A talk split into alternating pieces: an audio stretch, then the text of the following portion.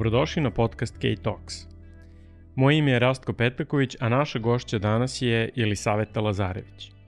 Jelisaveta u okviru AFA, Asocijacija za ekonomsko osnaživanje žena, vodi projekat digitalne pismenosti, odnosno opismenjavanje žena.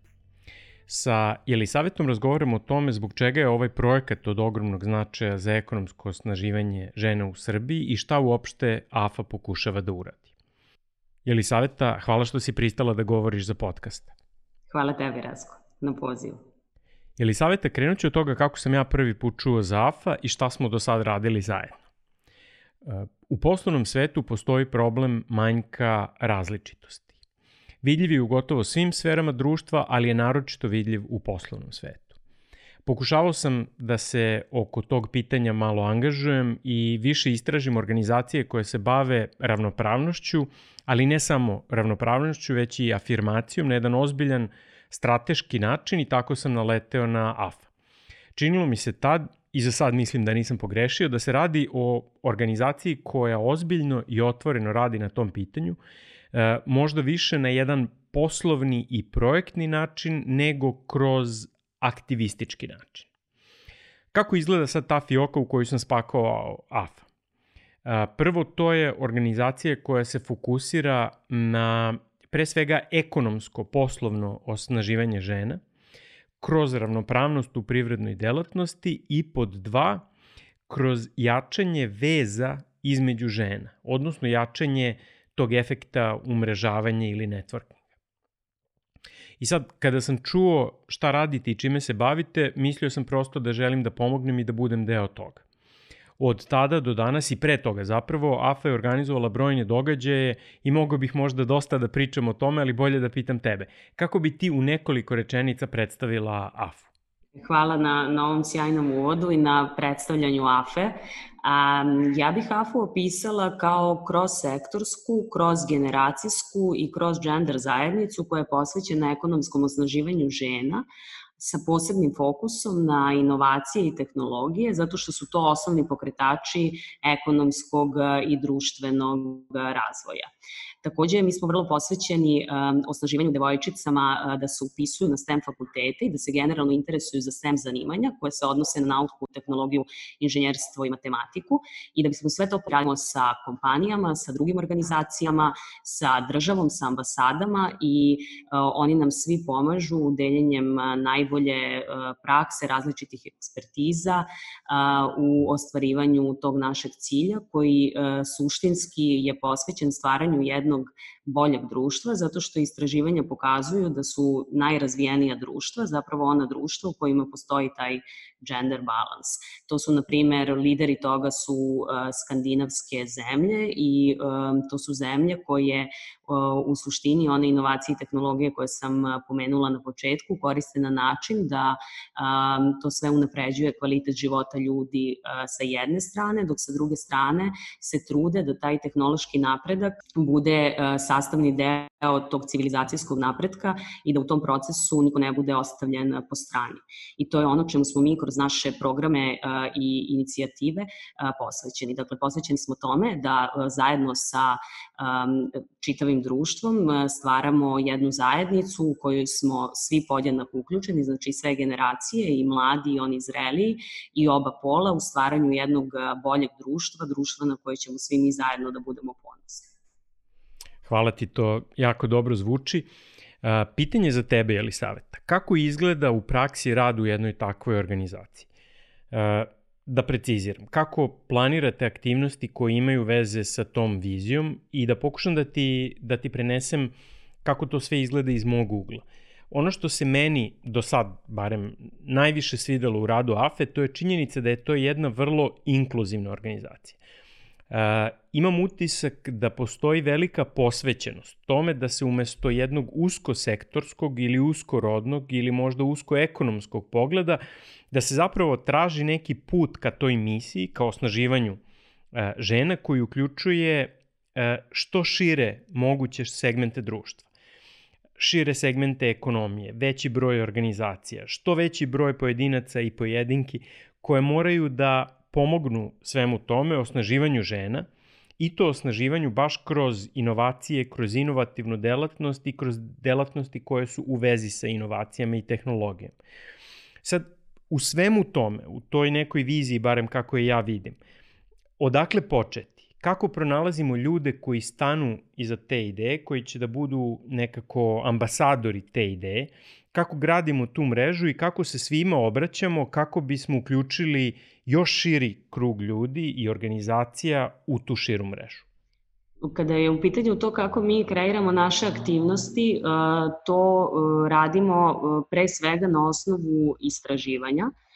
Dakle, ovo je e, svetska tema i ovo je tema kojom se bavi čitav svet. E, nigde u svetu nije još uvek postignuta ta potpuna inkluzivnost i jednakost, jednakost u šansama, tako da se različite ozbiljne institucije i instituti bave istraživanjima gde to sve leže izazovi koji mogu na neki način da budu unapređeni kako bi se kao rezultat toga unapredio položaj žena. Kada je u pitanju uh, konkretno AFA, dakle mi na osnovu tih uh, istraživanja, na osnovu um, analize različitih uh, baza podataka zapravo uočavamo određene izazove i onda kroz saradnju sa kompanijama koje su naše članice i koje su um, vrlo napredne, kako domaće, tako i strane kompanije koje često dolaze iz skandinavskih zemalja, koje su suštinski lideri ove teme, kao što sam rekla na početku.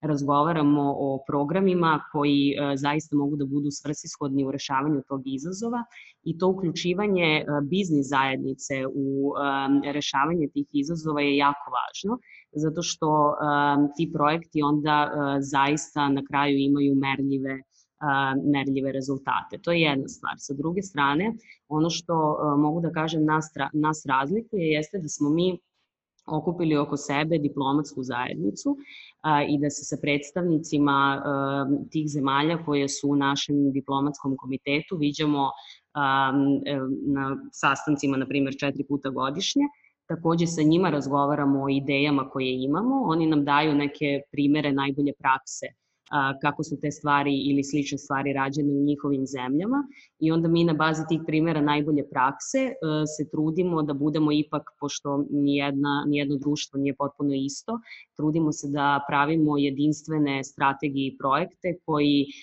u kombinaciji sa tim već postojećim primjerima dobre prakse mogu kod nas da daju dobre rezultate. E sad kada je pitanje kome je AFA posvećena. Mi volimo da kažemo da je AFA posvećena i ženama i devojčicama. A, zašto? Zato što je, ali i celom društvu. Znači, nama je važno da u celom ovom postupku i u realizaciji naših ciljeva podjednako učestvuju i muškarci, naročito kada su u pitanju inovacije i tehnologije, jer su oni tu dominantni važno je da i oni sami razumeju zašto je podjednako uključivanje žena važno kako bismo na taj način svi zajedno radili na unapređenju na tom polju. A, a sa druge strane smo dakle, okreni, okrenuti ženama, ali i devojčicama, zato što je važno da od najranijeg obrazovanja prvo a, neki način rušimo predrasude koje postoje, naročito kada je u pitanju izbor zanimanja, što je često situacija, na primjer, u STEM oblastima, glavni razlozi zbog kojih se devojčice manje uključuju u nauku, tehnologiju i inženjerstvo su ti što im nedostaju ženski uzori s jedne strane, s druge strane što smatraju da ta zanimanja nisu kreativna, a s treće strane ono što je jako važno, zbog toga što okruženje smatra da su ta zanimanja muška, a ne postoje nikakvi, kako bih rekla, podaci ili istraživanja koje pokazuje e, jeste, ta zanimanja su baš muška i ne treba se njima baviti. Izvini, tako da... moram da te prekinem tu na sekund. Pomenulo si istraživanje. Uh, hajde možda da krenemo na te brojke. Uh, šta govore istraživanja o tome kakvo je učešće devojčica u STEM-u uh, i uopšte kako izgledaju brojke na terenu ekonomske ravnopravnosti u Srbiji i u regionu?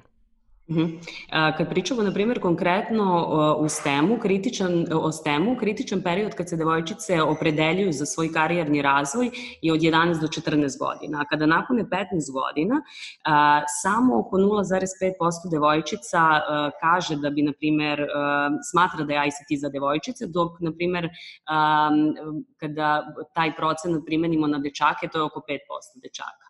A, to je jedna stvar. A, druga stvar, kad pričamo, a, na primer, o, konkretno o ICT nekim specialistima, a, u Srbiji od ukupnog broja tih ICT specialista samo je 19% žena. Ako se za trenutak prebacimo na preduzetništvo, od ukupnog broja svih preduzetnika, samo 30% žena je u preduzetništvu i one su uglavnom vlasnice mikrofirmi, odnosno 99% tih biznisa su mikrobiznisi i uglavnom su u sektoru usluga, ali to pre svega, ne znam, računovodstvenih agencija, frizerskih salona i tako dalje. E sad, da bi se one negde prebacile ono što nama pokazuju um, sva istraživanja koje radimo i ono kako su naši uh, programi kreirani, da bi se one prebacile na taj um, viši segment razvoja i da bi dalje razvijale svoje uh, biznise, uvek je neophodno neophodno obrazovanje. Sad tu kad se tako kaže, ta reč obrazovanje je vrlo širok pojam. Um, međutim, um, ono što je danas ključno i čemu smo mi um, zaista kroz sve što radimo izuzetno posvećeni, uh, to je zapravo digitalno pismenjavanje žena. Zašto? Zato što suštinski, uh, da bismo mi aktivno participirali u tom budućem društvu koje je digitalno, neophodno je da budemo barem bazično digitalne, digitalno pismene. Međutim, podaci pokazuju da je 54% žena u Srbiji bazično digitalno nepismeno. Sa druge strane, od ukupnog broja žena koje učestvuju u tržištu rada, samo 27% njih na svom poslu koristi pametne telefone, laptopove ili računare i taj procenat je daleko niži nego što je to slučaj u Evropi, gde, na primer, ta brojka iznosi 46%. E, iz tog razloga to bazično digitalno e, opismenjavanje je neophodno e, i nekako bih razloge za to svrstala u tri grupe. Prva je ta da ukoliko budemo digitalno pismene, mi ćemo moći da aktivno participiramo u društvu koje je zasnovano na tim novim tehnologijama. Moći ćemo da donosimo odluke o svom obrazovanju, o svom poslu, o kupovini i tako dalje.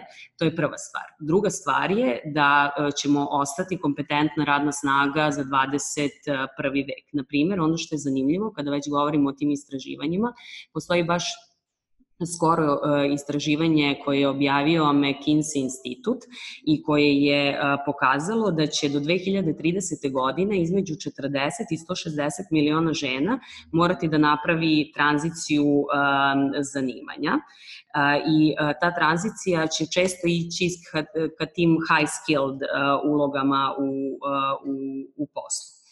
A, I a, e, to je, a, e, dakle, a da bi se to desilo, neophodno je da se mi danas obrazujemo i da u principu iskoristimo taj a, efekat hvatanja sa razvijenim svetom koji je danas a, a, više moguće nego što je a, to bilo ranije. Sa druge strane, a, kada pričamo o tržištu rada, ta digitalna pismenost je važna zato što a, istraživanje pokazuju da će, na primer, ta adapta, odnosno usvajanje novih tehnologija će počistiti oko 50% zanimanja, uglavnom u uslužnom sektoru i a, poslova koji se odnose na administraciju, a tu je danas globalno zaposleno oko 70% žena. Naravno, stvorit će se neka nova zanimanja, ali će se opet 60% njih stvoriti u oblastima a, gde dominiraju muškarci. I upravo zbog svega toga je važno da mi danas uh, iskoristimo uh, trenutak, da se digitalno obrazujemo, da prvo usvojimo neke bazične digitalne veštine s jedne strane, a da se kasnije dalje unapređujemo i, usvojamo neke kompleksnije veštine koje će nam omogućiti da ostanemo kompetentne. Još jedan izazov koji se zaista uh, vrlo često, opet kažem, globalno komunicira i to vrlo snažno, jeste da je pitanje kako ćemo mi budućnost e, imati ukoliko ravnopravno ne učestvujemo u njenom kreiranju. E sad, šta to znači? To znači da, na primer, globalno gledano, u sektoru zdravstva, znači, ukoliko posmatramo zaposlenost, žene čine većinu. Međutim, kada je u pitanju kreiranje veštačke inteligencije za taj sektor, žene učestvuju četiri puta manje nego muškarci. Prvi problem toga je što nedostaje, znači što izostaje, ne nedostaje, nego izostaje domensko znanje, to je jedna stvar, a druga stvar je da ćemo u budućnosti imati neke proizvode i usluge koji su skrojeni više po meri jednih nego uh, po meri drugih, odnosno uh, koji nisu toliko inkluzivni, a to je, to je suština uh, razvoja kome, kome mi želimo da, da težimo. To je jedna stvar. Sa, sa druge strane, znamo, na primjer, svi, i to bar možemo da čujemo skoro svakog dana, da je važnost tih velikih baza podataka i analitike koje je za to vezano u digitalnom svetu vrlo velika.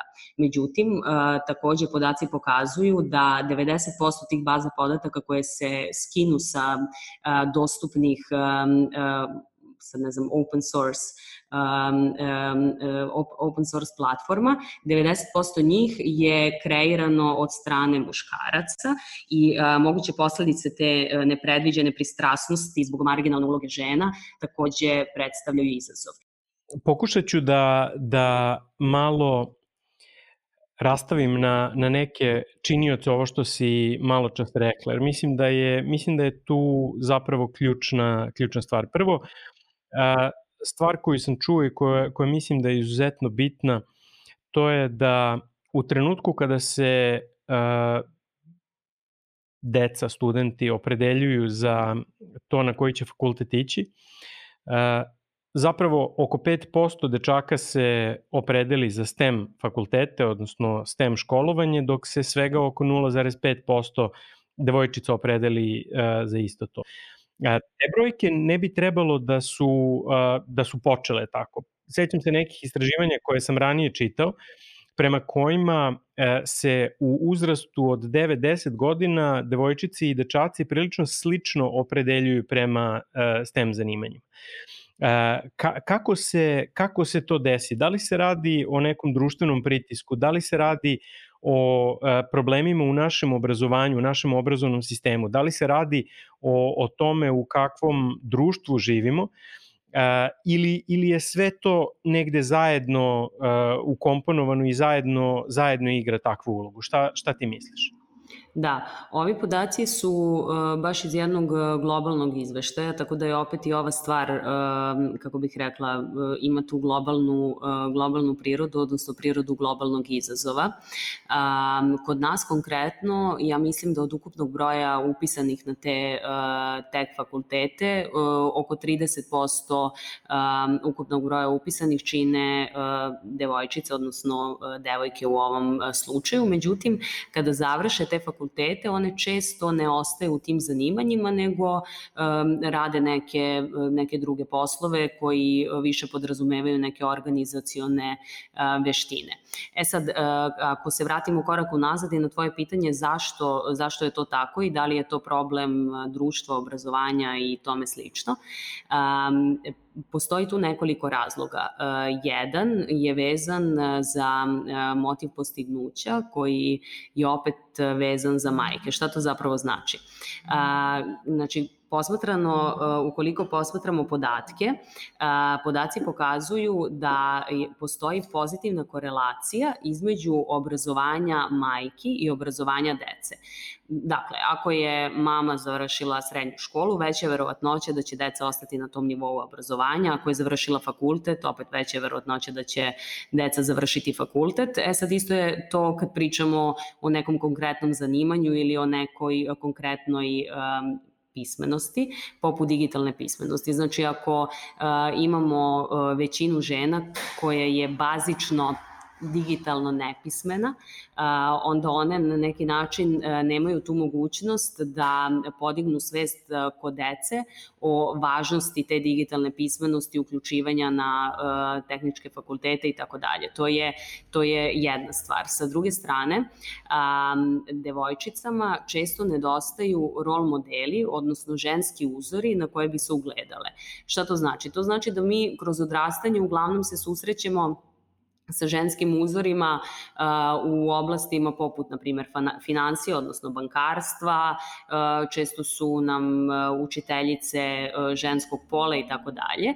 I negde ne viđamo toliko često um, ženske uzore u inženjerstvu, nauci, takođe postoje predrasude da e, su žene koje se bave naukom, ne znam, da nose velike naočare i, i to je to što nije slučaj. I tu negde zaista ulogu imaju mediji koji e, po mom mišljenju treba da promovišu pravi sistem vrednosti i prave uzore mladim devojkama. Um, i to je ono što mi radimo kroz More Girls in STEM, dakle mi devojčice spajamo sa ženskim uzorima iz tehnoloških kompanija, iz nauke, da bi one u stvari shvatile da je, da, dakle, da, da ti ženski uzori postoje, da su poslovi koje oni rade jako zanimljivi i da je zapravo super zabavno i uzbudljivo biti uključen u kreiranje budućnosti, a negde smo, evo, na primjer, sad nadovezat ću se e, i na koronavirus, e, shvatili da je, na primjer, nauka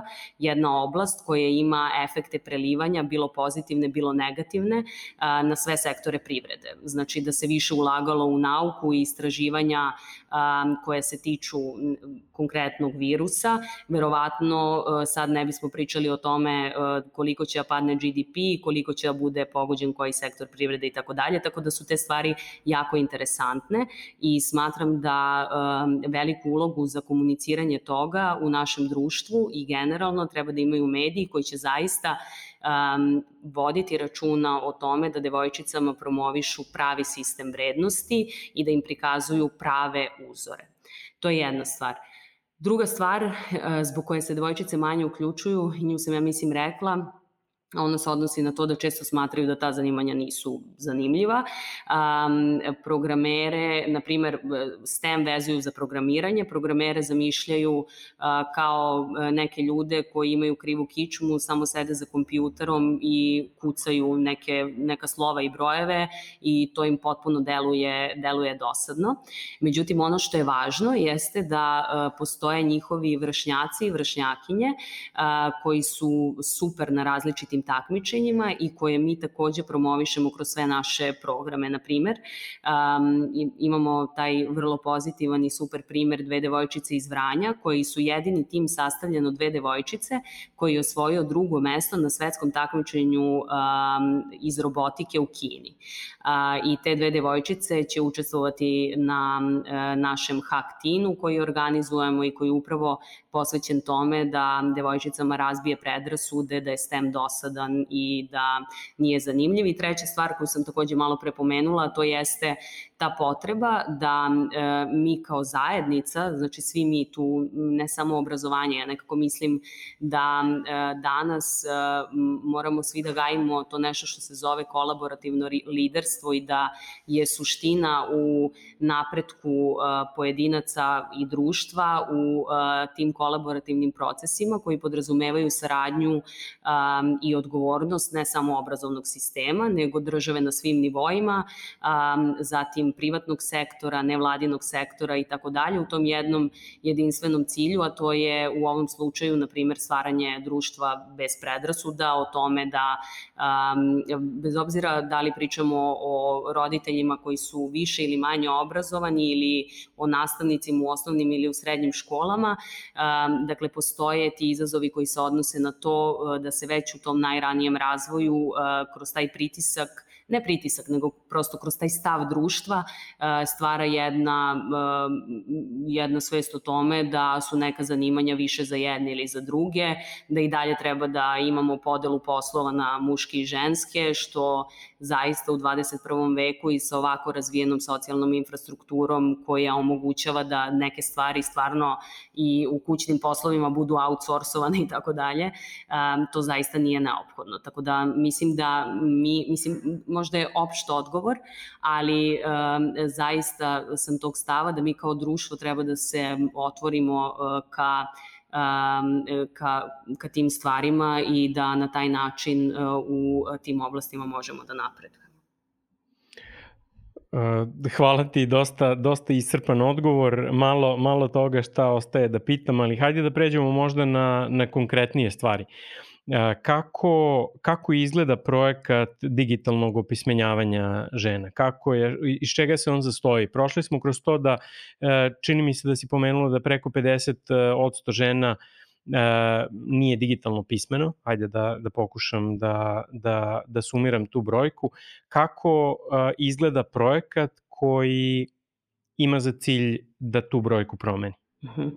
Da, mi smo e, razvijali taj projekat e, zaista mogu da kažem dugo, e, jer taj projekat smatramo infrastrukturnim projektom koji u suštini treba da omogući našem društvu da pređe, znači Srbija se prema svojoj konkurentnosti trenutno nalazi u fazi investicijama vođenom privredom i da bismo prešli na taj segment razvoja koji se zove inovacijama vođena privreda, to zahteva participaciju celokupnog društva. E, žene ne participiraju ni sad dovoljno na tržištu rada, kad pričamo o neformalnoj zaposlenosti, e, one tu takođe čine e, veliki, veliki udeo oni koji su neformalno zaposleni, a da bismo imali to društvo koje, čiji se razvoj zasno, zasniva na inovacijama i novim tehnologijama, neophodno je da postoji i veća participacija na tržištu rada onih koji su radno sposobni.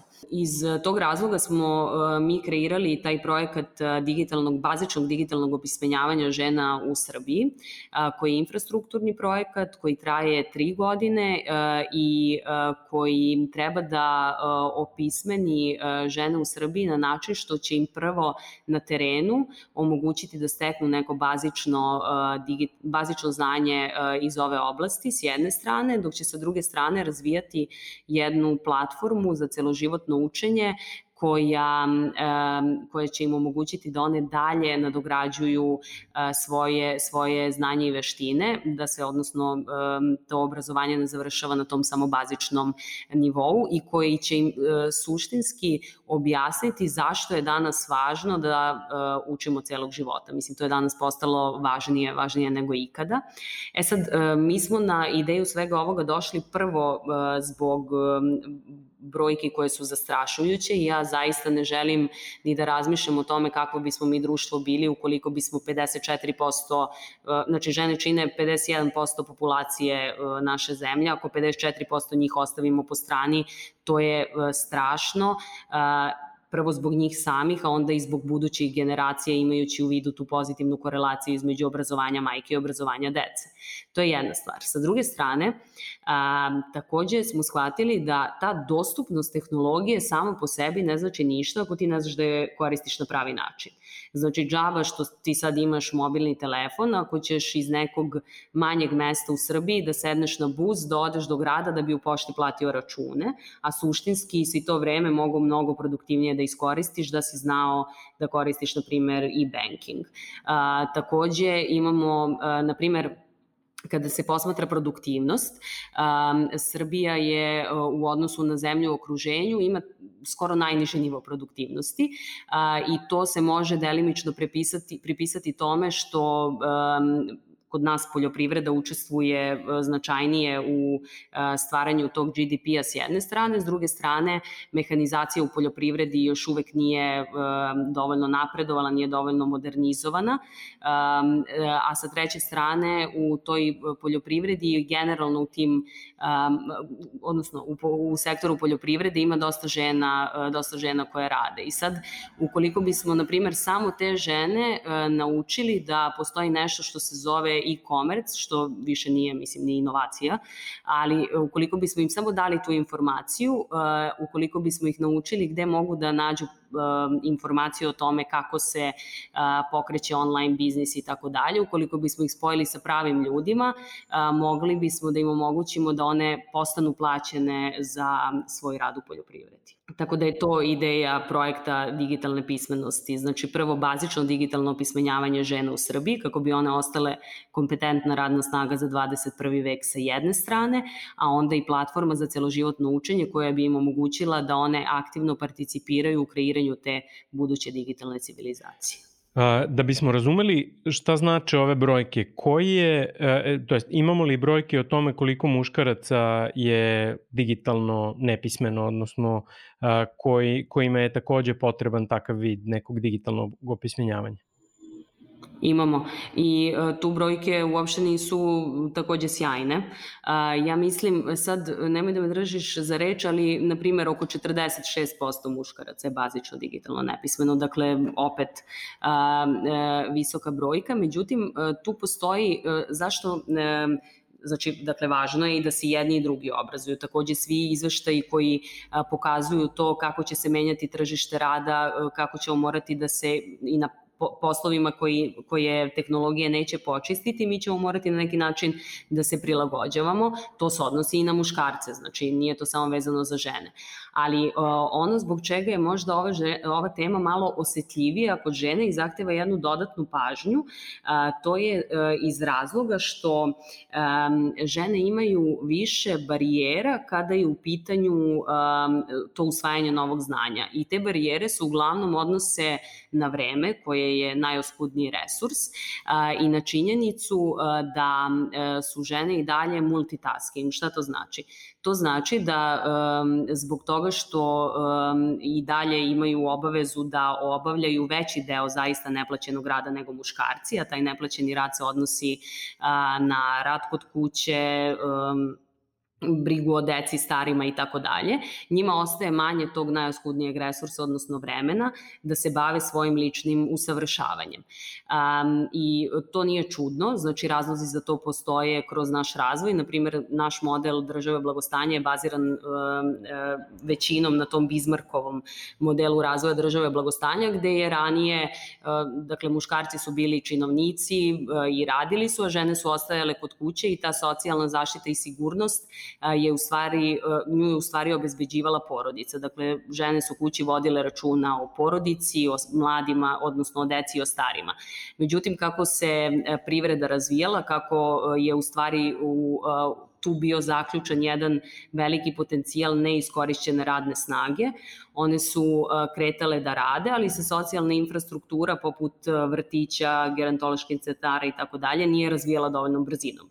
I onda su one i dalje znači, radile plus obavljale sve to kod kuće i na taj način postajale multitasking. Naravno sad je to mnogo bolje, znači sad imamo razvijeniju socijalnu infrastrukturu, ali je negde ostalo to da um, su žene i dalje multitasking, da i dalje obavljaju većinu um, tih neplaćenih uh, poslova i, na primjer, nemaju dovoljno vremena uh, za usavršavanje s jedne strane, a sa druge strane, e, na primjer, nemaju dovoljno vremena i za networking, što je negde o, jedan od razloga koji pravi tu razliku između a, procenta muškaraca i žena u upravnim odborima u kompanijama koji imaju korporativno upravljanje. Na primjer, samo je 30% žena u upravnim odborima u odnosu na ostatak koji, koji čine, čine muškarci.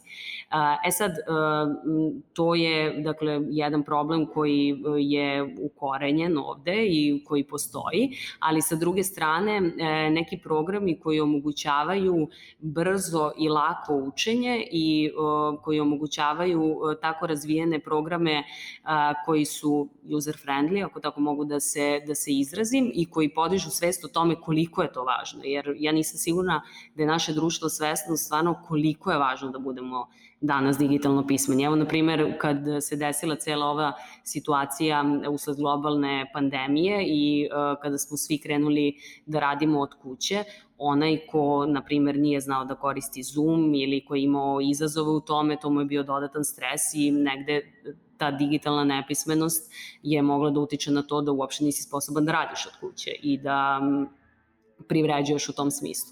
Tako da ja mislim ukoliko zajedno budemo podigli svest o važnosti ove teme s jedne strane i sa druge strane um, imali program kakav je naš koji omogućava da brzo i lako uh, usvojimo ta bazična znanja i da uh, prosto stvorimo jednu kulturu svakodnevnog učenja od na primjer pola sata da uh, onda možemo da stvorimo to društvo koje je inkluzivnije u kontekstu u kontekstu ovoga svega o čemu smo pričali. A, kako, je, kako je uticala situacija sa pandemijom? A, verovatno je još uvek rano da, da konstatujemo, ali čini mi se da je dobra prilika da možda napravimo još jedan presek, još jedan a, nivo istraživanja kako bismo videli koliko je ko imao poteškoća sa prelagođavanjem radu od kuće.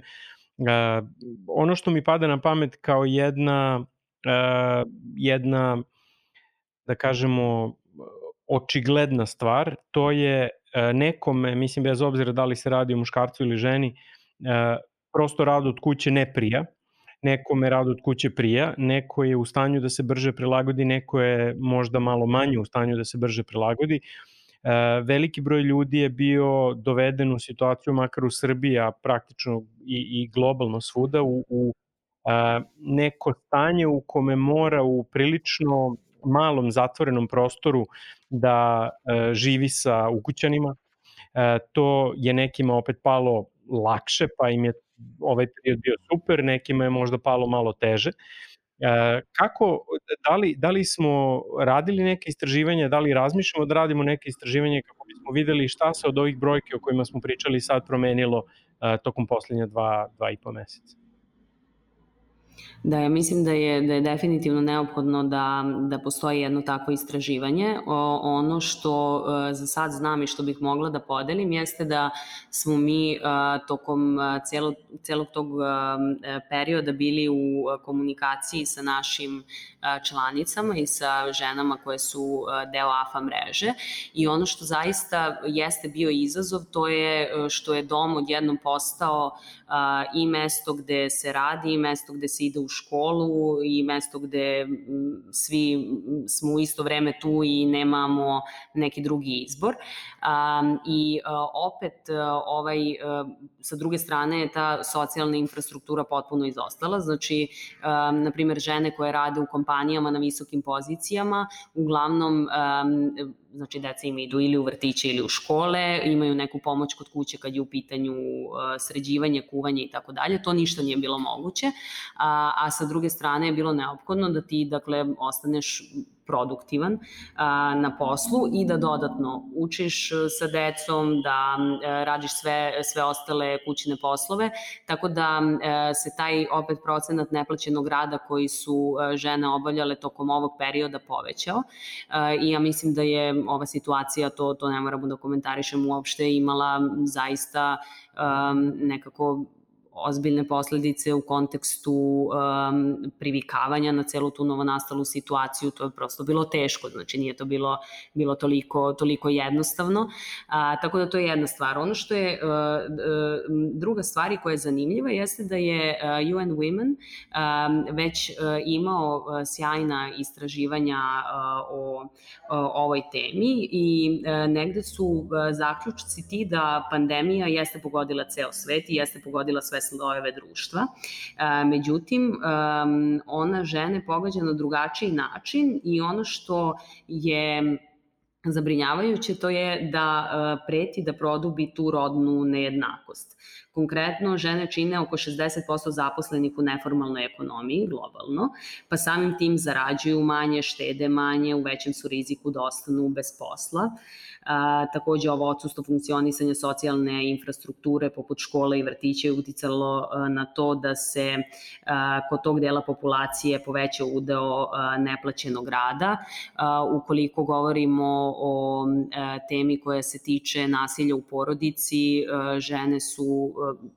tu je isto taj nedostatak socijalne infrastrukture uticao na to da e, su one možda e, teže dolazile do pomoći, često su e, možda bile u istoj kući sa, sa nekim ko, ko čini zapravo to, to nasilje u porodici, tako da su to sve izazovi o kojima treba razmišljati i koje treba analizirati u kontekstu u kontekstu toga kada budemo um, opet razgovarali o tome kako je um, ova situacija uticala ne samo na uh, ekonomski položaj žena, već i na generalno to produbljivanje uh, rodnog jaza koji, koji već postoji. Za kraj, zanima me možda najviše šta bi neko ko sluša ovo mogao da uradi da motiviše devojčice oko sebe da razmotre možda STEM zanimanje. Nekako od svih stvari o kojima smo govorili, e, svaka ima neku svoju težinu, svaka je izuzetno bitna zato da bi se ono što je krajnji cilj e, zapravo postiglo. Ali kada pogledamo koja od mera koju primenimo sad ima najveći, najveći efekat u periodu od 5, 10, 15 godina u smislu potencijala da napravi neku transformativnu promenu u društvu, to mi se čini povećanje broja devojčica koje prvo razmatraju, a potom odlaze na STEM škole, odnosno STEM fakultete. I šta bi svako onaj ko sluša ovo mogao da uradi da devojčice oko sebe motiviše da donesu takvu A, znači, ja mislim da sam a, dala um, onako snažnu poruku koji su razlozi manjeg uključivanja devojčica u STEM to što smatraju da ta zanimanja nisu kreativna, to što nemaju dovoljno uzora e, i to što e, često u okolini čuju da ta zanimanja nisu, e, nisu za devojčice. Međutim, ono što mi sad pada na pamet i što zaista može onako da da snažnu poruku devojčicama, a da je one razumeju, jeste da im se kaže da je, na primer, jedna od prvih programerki modernog doba žena. I danas svi mi koristimo, svi, znači sve generacije, ja sam sigurna, kad nam nešto ne radi na kompu ili na telefonu, mi kažemo ja što baguje. E, reč bug je uh, izmislila žena. Znači, apsolutno nema nikakvog razloga da mi danas uh, kao žene, kao devojčice, ne budemo uključene u STEM, ako je jedna od prvih programerki modernog doba to bila i čak uvela uh, u, u korišćenje reč bagovanje koju mi danas svi koristimo. Mislim da je to odličan primer i, i da se vratim na ono što si rekla malo čas. Dakle, ubedila si, si me u suštini da su uzori tu ključna stvar. A, ono što bih možda želeo da dodam, to je a, još privrednog povezivanja i pokazivanja tih primera. Na primer, siguran sam da u uspešnim IT kompanijama i uopšte tehnološkim kompanijama imamo sjajne žene u programiranju, u nauci, u tehnologiji, i da bi te kompanije mogle da organizuju možda i posete posebno za devojčice uzrasta 9, 10, 11 godina, da možda pronađu svoje uzore i vide da nemaju krivu kičmu, a da svojim talentom i radom zaista utiču pozitivno na promene. Da li ste organizovali nešto tako ili planirali možda takve posete? E, mi organizujemo uh, nešto što se zove Hack Teen. Uh, zovemo ga Hack Teen zato što nije pravi hakaton, nego je hack posvećen tinejdžerkama, pa je Hack Teen. A, I Ove godine e, taj Hack Teen je trebao da se organizuje u aprilu povodom Međunarodnog dana devojaka u IKT-u, međutim e, zbog e, situacije uzrokovane COVID-19 smo to naravno pomerili za neki bezbedniji period i ukoliko sve bude u redu, Hack Teen će se održati u septembru. Ove godine ga organizujemo sa Ministarstvom trgovine, turizma i telekomunikacija i pozvaćemo devojčice iz cele Srbije, jer nam je ta jednakost u šansama da sve imaju šansu da se prijave jako važna, da se prijave. I izabraćemo oko 50 devojčica koje će se skupiti ovde u Beogradu i koje će u jednoj tehnološkoj kompaniji zajedno sa mentorkama iz tehnoloških kompanija, nauke, sa inženjerkama, raditi na nekom kreativnom rešenju, odnosno na kreiranju jedne kreativne ideje i kroz to ćemo upravo devojčicama pokazati koliko je u stvari e, uzbudljivo i zanimljivo biti uključen u kreiranje budućnosti, tako da da, svakako svakom bih preporučila da kad se sretne sa tim devojčicama preporuči da se prijave na naš Hack Teen i prijave za to su otvorene na našem sajtu. E pa hvala, to je, to je poslednje što sam hteo da pitam, da li postoji neki način da se, da se ljudi prijeve i da li postoji neki dobar način da stupe u kontakt sa tobom, odnosno sa vama, ukoliko imaju ideju, ukoliko žele više da saznaju ili ukoliko na neki način žele da pomognu rada. Apsolutno. Dakle, na našem sajtu afa.ko.rs su dostupni, dostupan je moj kontakt, dostupan je kontakt um, celog tima sa, uh, celog tima sa kojim ja radim u AFI, uh, tako da će vam biti zadovoljstvo da uh, čujemo i komentare na ovaj podcast i uh, generalno sve predloge koji mogu da doprinesu da naše društvo učinimo razvijenim um, kroz podjednako uključivanje žene i njihovo ekonomsko osnaživanje um, kroz različite projekte i inicijative koje, koje organizujemo, tako da će mi to biti posebno drago. Jelisaveta, hvala ti mnogo na ovom razgovoru. Hvala tebi, Rasko.